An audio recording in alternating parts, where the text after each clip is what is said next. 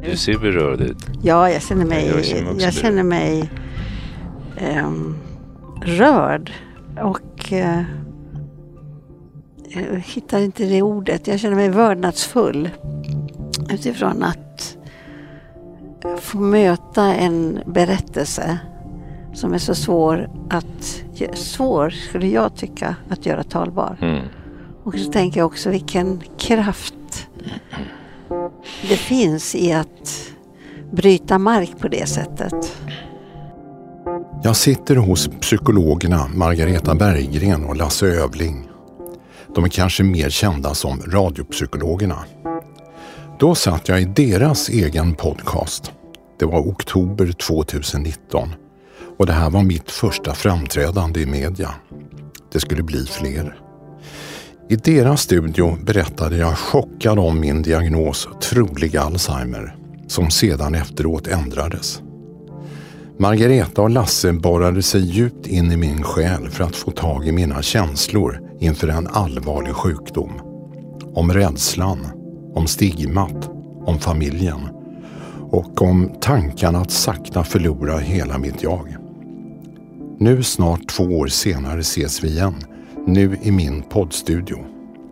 Nu vill jag veta vad som händer med människor som får reda på att de har en dödlig sjukdom och hur man ändå kan finna kraft och mening att leva vidare. Jag heter Henrik Fränkel och jag fick påsken 2019 diagnosen kognitiv svikt. Och jag vill med den här poddserien göra en upptäcktsfärd in i vår tids kanske mest ökända och stigmatiserade sjukdom. Jag ska träffa människor som kan hjälpa mig att förstå den sjukdom som drabbar över 20 000 svenskar varje år, som har funnits i över 100 år och som ingen överlever.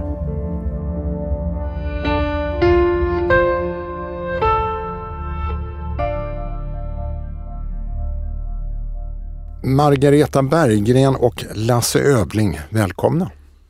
Tackar, Tack så tack. Jag har bjudit in er för att samtala om chocken och ångesten över att få en livsavgörande diagnos och eh, hur man kan hitta mening mitt i kaoset. Vi träffades hösten 2019 i er podd Psykologbyrån. Eh, Lasse, vad, vad minns du från det samtalet?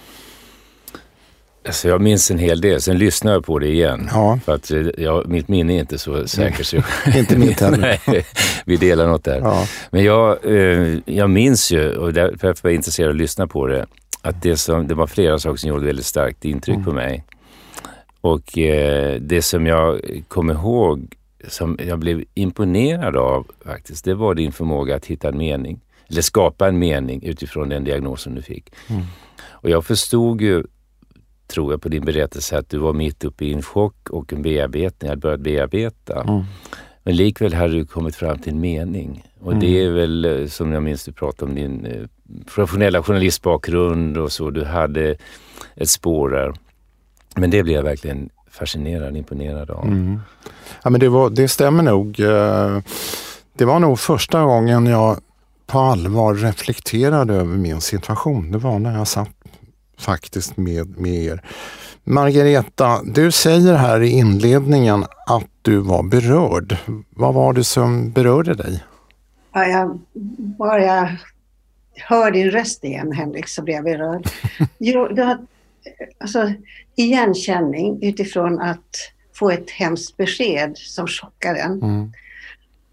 Men det mesta som berörde mig det var att du så- sa att jag, jag tyckte du var modig. Och det sa jag till dig, jag tycker du är modig. Och då sa du samtidigt, ja jag är modig och jag är livrädd. Och vad tänker du om det? Alltså att våga vara en man som, har fått, som är i chock och kan stå för både sin livrädsla och jag tänker verkligen inte rädsla, jag tänker livrädsla. Mm. Rädsla för att försvinna från livet, Mm. mentalt, psykiskt, fysiskt. Eh, att kunna prata om det med, med den röst som du uttalade orden. Och det andra som också gjorde ett starkt intryck på mig som förälder, det var din försiktighet att ligga och rädsla att behöva ligga dina barn till last. Vi ska, vi ska komma in lite speciellt på det om en, om en liten stund. Eh, jag, jag kommer ihåg att när eh, jag nämnde namnet på min podcast eh, som då hette Hjälp, jag har Alzheimer. An, eh, namnet har förändrats nu till Hjälp, har jag Alzheimer? Mer frågetecken. Men jag kommer ihåg att ni båda studsade till, Margareta. Va, varför det? Jag kommer ihåg att speciellt du studsade till när du hörde namnet. Ja, därför att det är så otalat. Jag tror att du är den första person som, vid, som jag har träffat som vid första ögonblicket vågar säga, tillåta dig att säga mm. att du har Alzheimer. Mm. Uh, och uh, för mig är det uh, alltså den chock, man kunde se när du berättade att du hade Alzheimer, vilken chock du var i. Mm. Och ändå hur du försökte samla ihop dig mm. och, eh, och ge dig själv, men också de som lyssnar på, eh, skulle lyssna på podden, mm. lite förståelse för vad man går igenom. Mm. Så att eh, jag har träffat anhöriga till Alzheimer-personer mm. och eh, vet hur svårt deras partners har haft att överhuvudtaget våga nämna ordet mm. Alzheimer. Mm. Och eh, mm. jag tycker det var, jag vet inte om jag ska säga tufft om jag får hand. Alltså tillåta dig att vara så ärlig med någonting som du är i, i början av någonting som du är så mycket chock i. Mm. Mm. Det tror jag studsade till, alltså utifrån din ärlighet och mm. ditt Nej, men det är, jag tror att jag utmanade mig själv hela tiden där och eh, det, var, det var ju också tungt. Men vi ska, vi ska bredda det här samtalet. Vi ska i det här samtalet eh, prata om hur det är att som människa få ett besked om att sakta, sakta förlora typ alla sina kognitiva förmågor. Språket, minnet, logik och eh, även omdömet. Det är ju faktiskt det som händer vid sjukdomen Alzheimer. Men det kan även handla om andra dödliga sjukdomar. Så att om vi börjar med oron innan man får en diagnos. Många vill ju inte ens gå på en minnesutredning för att de vill slippa få svart på vitt. Vad kan man, Lasse, som psykolog säga om den oron? Är den förståelig? Absolut. Alltså oron och rädslan inför mm. det som, som, som uh, har att göra med död och försvinnande mm. mm. är ju självklart att vi har i oss. Det är ju en del av vår existens. Mm. Uh, och som menar alla uh, människor tror jag i alla tider har, har brottats med på olika mm. sätt. Att livet är ändligt. Så det är ju alldeles klart att det tror jag alla reagerar med ett motstånd. Å andra sidan vill man kanske ha svart på vitt. Man kanske vill veta vad är det för någonting jag har egentligen. Absolut. Och det kan ju vara nästa steg. Jag vet inte hur det var för dig i det avseendet ja. men du hade väl också ett motstånd i början? Ja, absolut. Ja, och sen så bestämde du dig eh, för att ändå genomgå en undersökning. Mm. Och eh, det är väl så med andra typer av, av tillstånd i kroppen och själen att eh, de flesta väntar innan man söker. Om man inte är sån som söker för allt möjligt kanske. Då mm. har man ju en annan inställning. Men, men jag tänker att det är naturligt och att eh, det behövs en, eh, också en, en förberedelse inför eventuella besked man får. Mm. Det viktiga är väl, jag ska säga det, det jag blev, bara innan vi lämnar dig kanske, jag vill bara säga ett minne som var väldigt starkt som handlar om det här att kunna prata öppet om. Eh, som också Margareta säger, eh, att du pratar öppet om det här. Det kopplade du i vår podd med din bakgrund. Mm. Det tyckte jag var så fascinerande. Vi har ju under eh, ja, snart ett halvår haft som tema den kulturella väven, mm. kulturella bakgrunden och svåra gäster. Mm. Och du gjorde det självmant genom, är det okej okay att du berättar ja. kort om ja. dina föräldrar ja. som kom som unga från Polen, de har suttit i arbetsläger under nazismen, mm. kom till Sverige. Mm. Och eh, de valde, och det är också förståeligt, att aldrig berätta för dig Nej. om vad de hade varit med om. Nej. Och du, du berättar i podden att du som tolvåring började ana att det var en hemlighet mm. som de dolde. Mm. För du visste om deras polska bakgrund naturligtvis, men Mm. inte vad som hade hänt dem. Och sen nämner du att du först vid, tror du säger 45 års ålder typ, och dina föräldrar dog ju tidigt Mm. dessutom. Så du hade ingen källa, men då började du lägga ihop och studera och läsa och förstå, ana vad de varit med om. Mm. Och så säger du att och mot den bakgrunden så bestämde du dig för att inte behålla det här som en hemlighet. Mm. Och det berör mig. Det är Mm. så otroligt att du ser din bakgrund och bestämmer dig för att bryta Mm. ett mönster, kan man säga. Som, Mm. Jag tror att jag sa att jag har burit ett stigma och det var att mina föräldrar överlevde Förintelsen och hela min släkt förintades. Det, Och jag orkade inte bära på ett stigma till. precis. Det var det Mm. som... eh, Och det skulle också vara... Uh, svårt att hitta, eh, hitta ord för det men, men eh, det skulle vara ett nederlag att, eh, att acceptera ett stigma till i Mm. livet. Det var... Ja, Mm. jo, jag kommer ihåg det. Så det, var, traumat hjälpte dig, kan Ja. man säga, till att ta ett beslut att bryta med ett Ja, mönster. ja. Mm. Så var det. Eh, om vi går vidare. Sedan får man sin diagnos. Säg eh, i mitt fall så var det trolig Alzheimer som sen har ändrats. Margareta, kan du förklara med lite psykologiska termer hur hanterar man just beskedet? Jag tror att eh, den här chocken man får, om man inte har en tanke på att man ska vara sjuk eller bli sjuk i något allvarligt förutom vanliga förkylningar och sådana saker, så tror jag den chocken blir överväldigande. Mm. Och eh, eh, sen är det naturligtvis beroende på vem man är, hur man hanterar det. Men jag tror att de flesta behåller Gör, gör en tyst överenskommelse med sig själv. Att jag ska inte berätta för någon. Jag ska klara mig. Mm. Eller också ger man upp totalt Mm. och lägger sig platt inför och blir, glömmer bort att man är en personlighet och så blir man sin sjukdom. Mm. Och jag tror att det är den vanligaste vägen, att man blir sin sjukdom. Och så behöver man hantera det på sitt sätt. Mm. Tystnaden, alltså den här chocken som gör att man inte vill berätta, den kan jag känna igen mig i. Mm. Eh, därför att det är svårt att tänka sig till att börja med, ska, är jag en sån person? Är jag en, för min del, var det, är jag en reumatiker? Mm. Nej, jag är en Margareta. Och jag har en sjukdom. Men jag känner din dotter som du vet, Johanna. Mm. Och hon berättade för mig bara för några veckor sedan att man fick knappt nämna ordet reumatiker i er familj. Nej, så är det.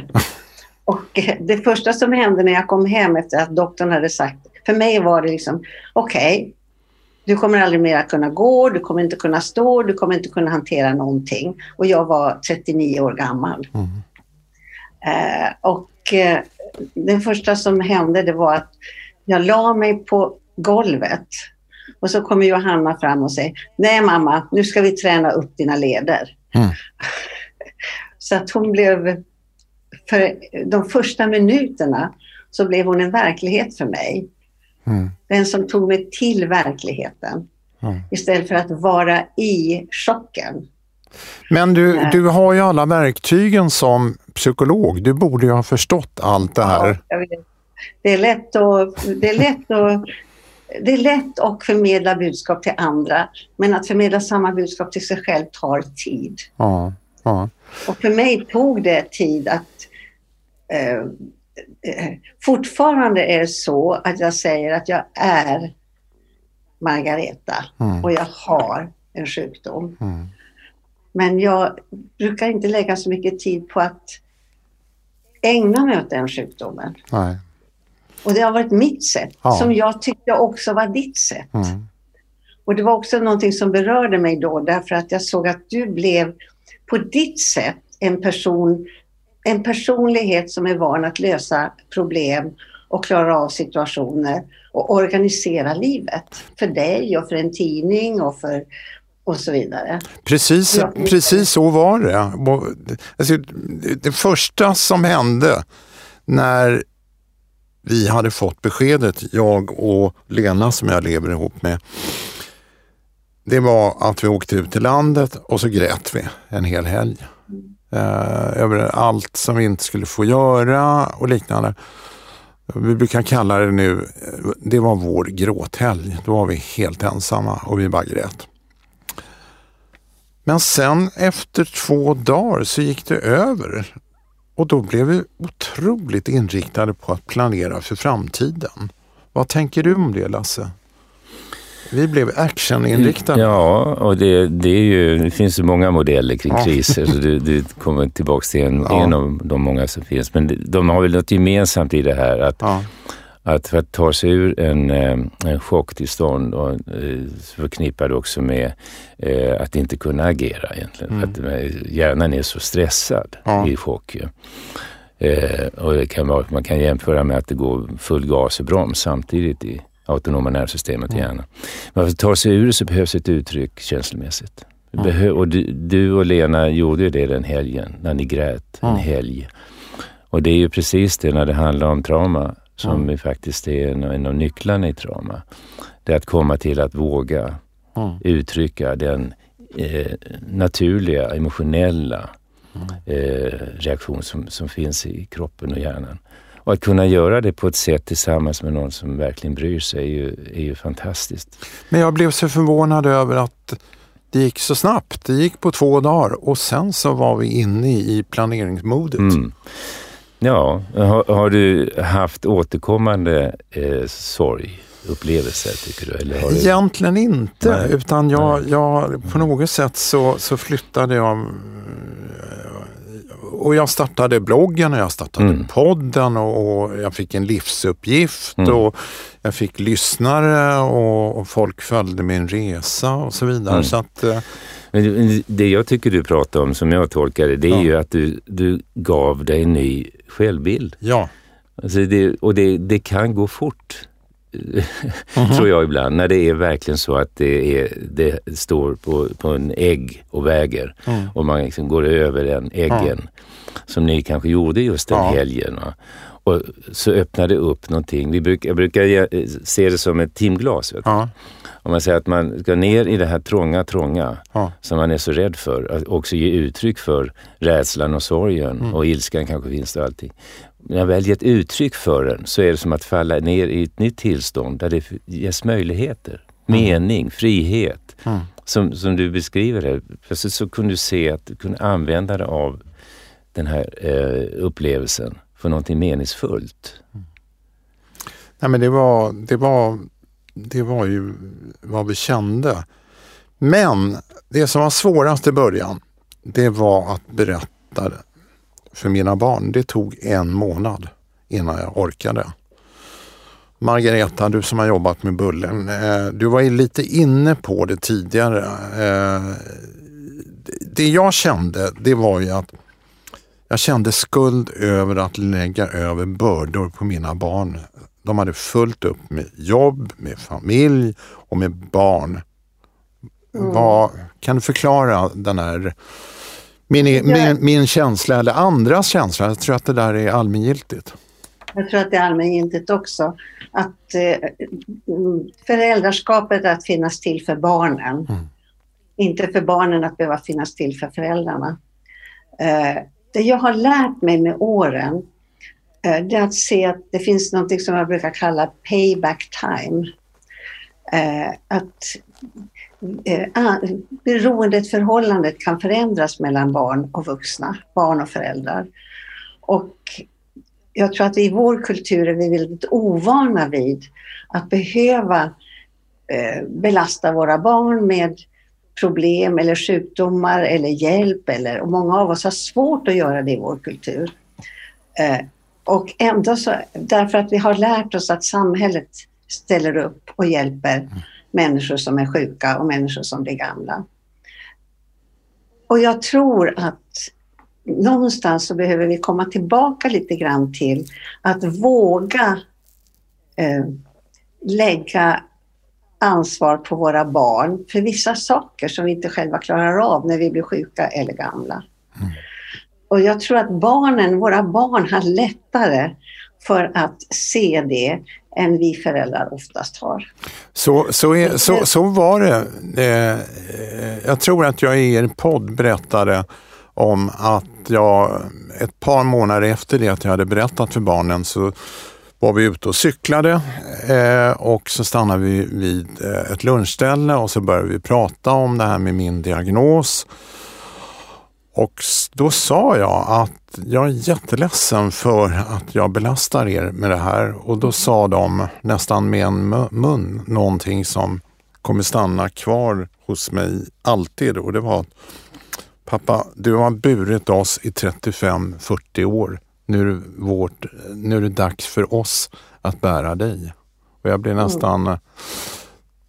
Äh, äh, ja, det... det... jag tycker det är ett sådant viktigt budskap mm. som du förmedlar just nu. Till alla föräldrar som känner av att de börjar bli gamla, sjuka, mm. inte orkar, inte kan klättra på en stege för att skruva in mm. glödlamp och så vidare. Jag tror att du ger ett sånt viktigt budskap av att tillit till våra barns förmåga att stötta oss mm. när vi behöver det. Mm. Mm. Eh, som jag nämnde, ganska snart så startade jag en blogg och en podcast. Jag blev actioninriktad. Vad, vad betyder det mätt i psykologiska termer? Är det att man flyr från sorgen?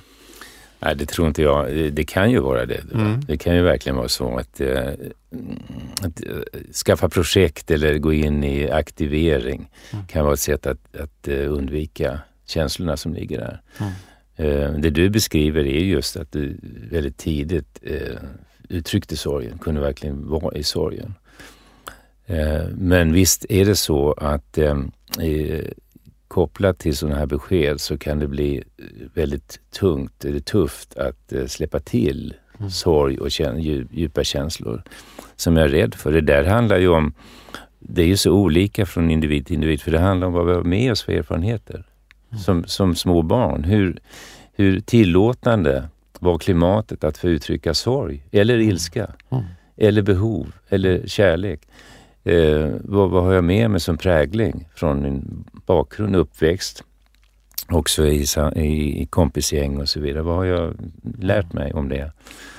Eh, så därför tänker jag att är det någonting som jag är uppmärksam om någon kommer med en, en um, upplevelse av, av eh, någonting som har hänt i livet som chockar, så är det att inte bara prata om hur det är just nu, utan också kunna om personen vill, se tillbaks. Vad har du med dig för reaktionsmönster? Vad har du med dig för vanor, för, för eh, eh automatiska beteenden? Mm. Och kunna reflektera på det och kanske där upptäcka att ja, jag har ju redan som liten eh, haft en, vi kallar det copingstrategi.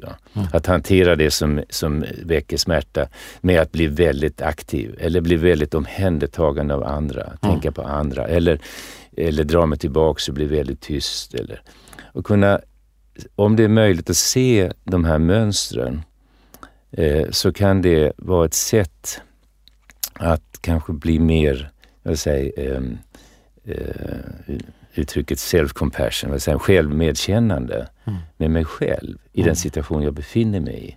Jag kan säga att jag har en tendens att till exempel aktivera mig för någonting när jag egentligen känner en smärta mm. eller en sorg. Det, det går ju igen i så mycket, det är inte minst i beroende. Min, e min egen bakgrund är att jag är van vid att bita ihop. Just det.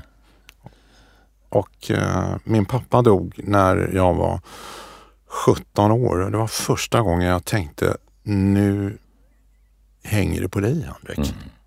Mm. Eh, det är ingen, du kommer inte ha några skyddsnät Nej. längre. Nej. Kommer du ihåg någonting om hur du reagerar på pappas död?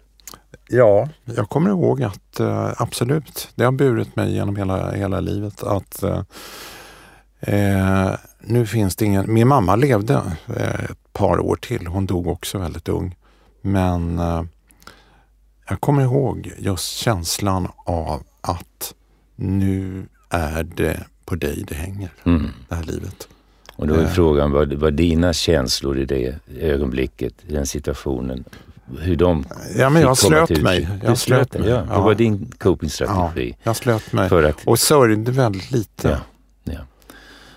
Och då, då kan man ju tänka så här, nu är det bara en, en Ja. konstruktion, en tanke, att det behövdes någonting så jäkligt tufft som ett Mm. besked om Alzheimer. Mm. För att du skulle släppa det här gamla mönstret. Mm.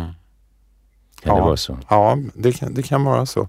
Men nå- något annat konstigt också, det var att jag gick in i ett skrivande och blev en annan person. Jag skrev om Henrik som fått diagnosen Alzheimer. Och till slut så kändes det lite schizofrent, lite som att ha en låtsaskompis. Margareta, du är ju van vid det här med barn som har låtsaskompisar. Ja. Hade jag en, har jag haft en låtsaskompis som Ja, heter Henrik? Ja, ja, det tror jag. Och jag tror att det kan vara lite grann utifrån det här att, säga, att tala om för sig själv att jag är någon också, Mm. förutom min Alzheimers sjukdom eller någon annan sjukdom. Så jag tror att ditt sätt att hantera det där är vad jag har faktiskt föreläst om på, för läkare. Att prata inte om Prata inte över huvudet på någon som har fått en diagnos. Prata med personer som sitter framför dig. Och det var vad du gjorde när du skaffade dig en låtsaskompis. När du skrev. Mm. Och det är ju på gott och ont allting. Vilken, och den frågan är, vilken nytta hade du av att ha den låtsaskompisen? Ja, Om jag ska svara om det är en fråga till mig så Ja. jag kunde vara mycket mer eh, uttalad. Jag kunde nämna saker vid dess rätta namn. Mm. Mm. Eh, faktiskt, därför det var inte jag, det var inte mig det handlade om. Nej, just det. Utan det var din låtsaskompis. Ja. Jag tror att det är en, en, en strategi som barnet i oss har tagit till Mm. och som vi som vuxna också skulle behöva ta till ibland. Jag pratar som med någon, som om jag vore någon annan utanför mig själv ibland. Och jag tror att vi kan behöva det för att våga eh, uttala de mest smärtsamma orden Mm. Mm. och de mest fruktansvärda tankar som vi har om vad det kommer att innebära för mig Mm. som sitter och skriver. Mm. Jag kanske inte vågar uttala dem i relation till min partner eller i relation till någon annan. Men till pappret kan jag uttala det. Till låtsaskompisen kan jag uttala det. Mm. Ja, men det, var, det var precis vad som hände. Jag nämnde alldeles nyss att mina, mina bägge föräldrar dog mycket unga. Eh, de var bara 47 och 54 år när de dog. Så döden har varit väldigt närvarande i mitt liv och jag kom i kontakt med den schweiziske psykiatrikern Elisabeth Kübler-Ross. Det var hon som skapade den modell som delar in döendet och även chocken i fem faser. Och jag tänkte att ni Margareta och Lasse ska få lotsa oss igenom dessa faser. Och om vi då börjar med förnekelsen Lasse, vad är det för tillstånd? Ja, det är ju det som du har berättat om chocken. Mm. Det är ju att eh, inte ta, alltså att höra och se och, och, och ta in det på en nivå i hjärnan, men inte koppla det till känslorna. Vi, vi har uttrycket eh, inom psykologin att eh, hjärnan dissocierar, Mm. det vill säga koppla bort känslorna. Och det, då kan man leva i en chock med enorm smärta fast man känner inte smärtan. Det finns så många exempel på människor som har råkat ut för olyckor eh, som gör att de, de egentligen så är, skriker kroppen. Mm. Men de känner inte det. De kan fortsätta agera. Det kan liksom, mängder med sådana exempel på människor har gjort fantastiska saker fast de kanske har, har brutit en arm. Eller, Är det en skyddsmekanism? det är en skyddsmekanism som är evolutionärt utvecklad. Vi ska, vi ska tåla att bli bitna av lejonet eh, och ändå kunna förhoppningsvis springa därifrån. Alltså. Så det är, en, det är en skyddskudde under en tid? Absolut, under en tid. Och eh, det, det är ju bara det att man kan säga att, en, om man nu ska säga risken är ju att, att det här tillståndet eh, finns kvar som en, en skyddsmekanism. Och då kan det ju bli faktiskt ett livslångt eh, en form av lidande eh, att inte komma i kontakt med de känslor som skulle kommit till uttryck. Nästa steg i den här modellen, det är ilskan. Margareta, varför blir vi arga? Vi känner ju ingenting till. Om man har fått en, en dålig diagnos så kan man inte göra någonting åt det. Eh, och samtidigt så är det så, rätten att få vara arg över ödet eller slumpen i livet tror jag mår, vi mår väldigt bra av. Risken, alltså den största risken är att vi stänger inne. Mm. Och den största risken är att vi stannar i förnekelse som Lasse säger. Mm. Men däremot så fort vi börjar agera ut och det vet man när man tittar på barn till exempel som har varit med om traumatiska upplevelser. Att de som har tystnat och stängt in sig på sitt rum och ägnat sig åt fantasivärld eller måla eller läsa eller tänka egna tankar. På sikt inte mår lika bra som de som har vågat vara i opposition och reagera utåt. Mm. Så den där sunda, sunda kraften som eh, ilska och, kan innebära att få vara, tillåta sig att vara arg över ett öde. Men många skäms ju över att de är arga. Ja, och, vad, och nu kommer jag tillbaka till den kultur vi lever i. Alltså, eh, jag har haft förmånen att bo i olika kulturer och jag har lärt mig genom andra kulturers sätt att respektera ilskan som en kraft. En, en helande kraft. Inte att vara arg på andra och bråka och, och anklaga andra utan den här rena ilskan över någonting som bubblar inom mig mm. på grund av någonting som händer mig. Mm. Det finns en god kraft i den aggressiva utåtriktade kraften. Mm. Jag tror vi behöver den. Jag tror att vi behöver få avlasta oss inte bara tårarna utan också ilskan över ödet. Vad skönt att, att höra. Eh, tredje steget i den här trappan, om man nu ska se det som en trappa, det är köpslagan. Lasse, vad, vad, vad är det? Ja, alltså jag är inte helt såld på den här modellen ska Nej. jag säga först. Men det är ju gärna att vi fortsätter. Men vi det, kör på den ändå. Ja, absolut. Ja. Men det jag vill bara säga det att um, de som lyssnar, att det finns rätt mycket skrivet om ja. Küblers modell och eh, det, den är ju inte som man säger då, evidensbaserad. Nej, och det är inte den eh, enda. Det finns många andra, ja. men man, de har ju någonting gemensamt. Ja. Men det är, det är viktigt att säga det att det är inte för att man ska hamna i de här stegen steg efter Nej. steg. Nej. Och det säger Kubik också själv att det är det är eh, delar som kan finnas i en sorgprocess men de behöver inte komma i den här ordningen till exempel. Mm. Så, så har jag förstått den i alla fall när jag läste den en gång ja. i tiden. Men, men just, köp. Ja, men det är ju det här att eh, eh, kunna hitta någonting som ändå driver mig vidare. Mm. Eller som gör att, att jag går upp på morgnarna och, och börjar och, och eh, förhandla med livet. Mm. Det är mm. en slags förhandling kan man säga. Och den, den, så uppfattar jag att hon menar också. Att det, och jag tror du gjorde det tidigt, mm. så uppfattar jag dig, att du tidigt kunde också hitta någon mening i mm. det här köpslåendet. Att nu har jag drabbats av det här. Vad, vad köpslå med livet och med döden är det så att, att det finns något meningsskapande, meningsfullt i det här som jag kan göra. Mm. Så att jag kan leva vidare på ett annat sätt. Jag jobbar väldigt mycket med smärtpatienter som har mm. kronisk smärta. Och det kan de få utifrån operationer, olyckor och mm. så vidare. Och de får ju verkligen förhandla med livet och med sin egen kropp. Att acceptera att den här smärtan kommer stanna? Yes, att acceptera den verkligen. Och att, eh, att eh, då kommer det till ilskan till exempel som för många hålls tillbaks. Vem mm. ska de bli arg på? Mm. De blir arga på sin egen kropp. Mm. Det de behöver bli arga på det är till exempel det livet, ödet. Mm. Eller Gud om man tror på Gud. Eller vad det är. Man alltså får vara arg utåt så att man märker att jag har rätt att vara den jag är eh, med de känslor jag har. Och det är, en, det, det är en väg till en acceptans som kan innebära att, att jag lever i ny själv, med en ny självbild kan man säga också. Mm. Mm.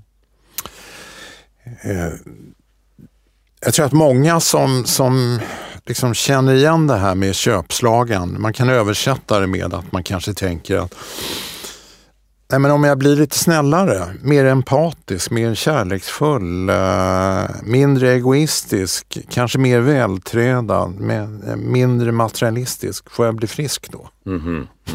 men det, det går är inte. verkligen ett köpslående. Just det. Det är som eh, Jesu själv nyårslöfte eller som, som jag tror många barn också verkligen gör. Jag minns det som barn, jag gjorde det också. Imorgon ska jag bli snäll. Ja. Imorgon ska jag ska jag inte bli arg på mamma eller vad det nu är. Ja. Som, som barn verkligen köpslår. Eh, så det hör ju till som en, en, det är väl det hon säger, Gudrun. Mm. Så det, det, är ofta en del av hela den här processen. Ja. Men jag tror inte att det, det är inte bara det som leder fram till en acceptans. Nej, nej. Kan jag komma in? Ja, absolut. Därför att jag tänker så här, alltså skulden vi lägger på oss. Ja när vi säger att vi måste göra om kontraktet med livet beror ju på att vi skyller på oss själva. Jag har inte varit tillräcklig, jag har inte dugt, jag har inte varit snäll nog. Bara jag blir snäll nog så försvinner det här. Och det är ju inte ett sätt att förlösa eh, de krafter vi har inom oss. Som både Lasse och jag pratar om, det här ilskan över ödet. Mm. Mm. Så att skuldkänslorna, tror jag, ofta ligger i vägen på något konstigt sätt. Mm. Jag har inte skött mig. Jag har inte, nej, jag har inte skött mig. Nej. Tack för det. Jag har inte skött mig. Ja. Ett ytterligare steg vad det nu kommer i kedjan, det är depression. Eh, och vad är det? Är det sunt med depression?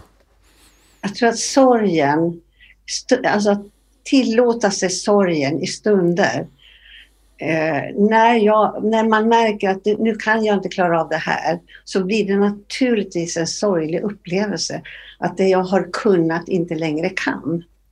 Det jag har åstadkommit inte längre går. Den sorgen behöver vi tillåta oss att känna och kanske också berätta om. Just nu känner jag mig förtvivlad över att jag inte kan göra det här längre. Mm.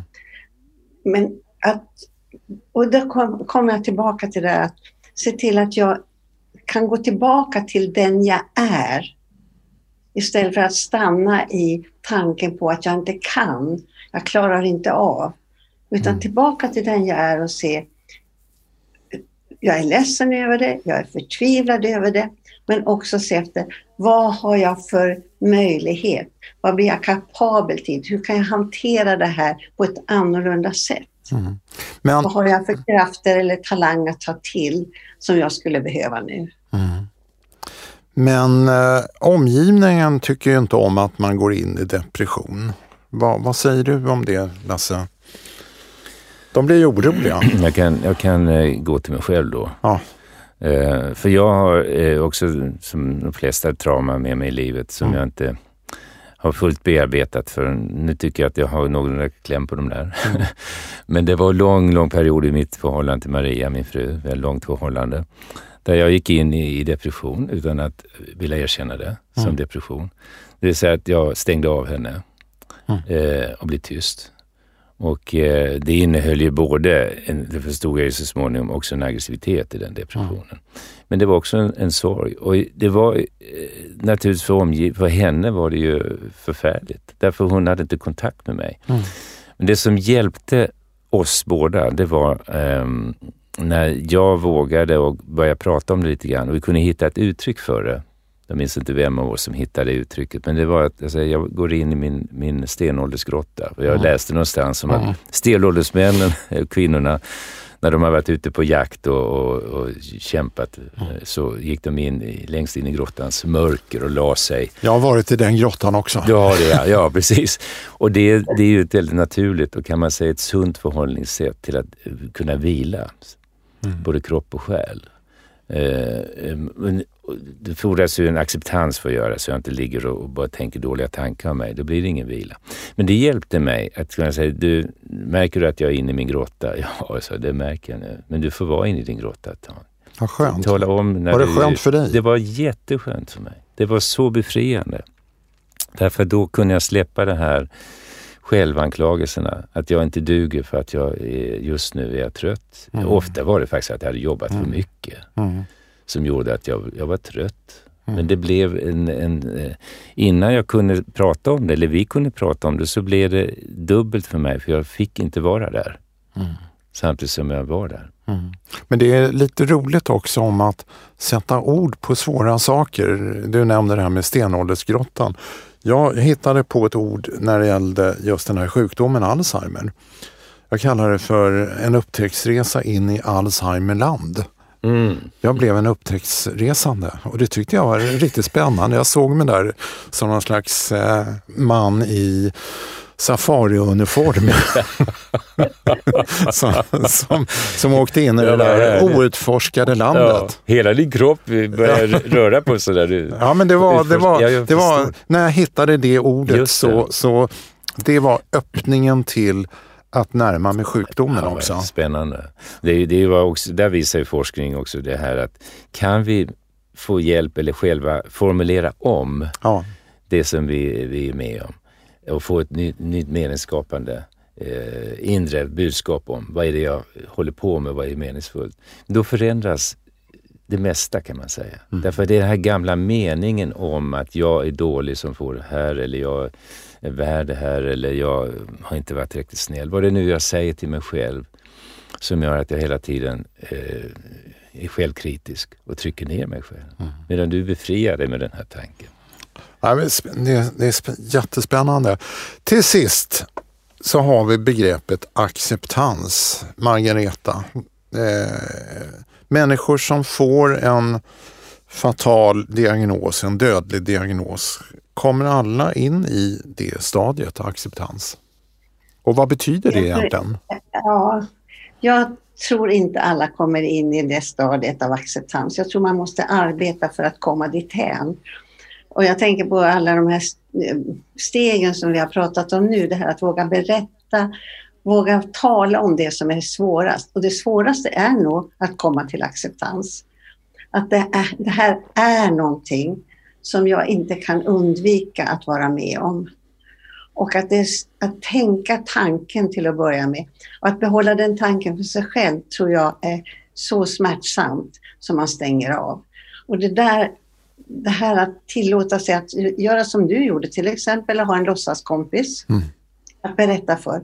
Men sen att våga dela förtvivlan och rädslan över att jag kan se ett slut på mitt liv. Och kanske ett för tidigt slut eller en så stor förändring av mitt liv så att jag inte vet vad livet kommer att innebära. Och jag tror att man behöver dela, alltså berätta igen och igen och igen. För den berättelsen förändras under gången. Mm. Och jag tror att man kan hitta någon försoning. Eh, försonas med att det här är mitt liv. Och det här mitt liv kommer att se ut framöver.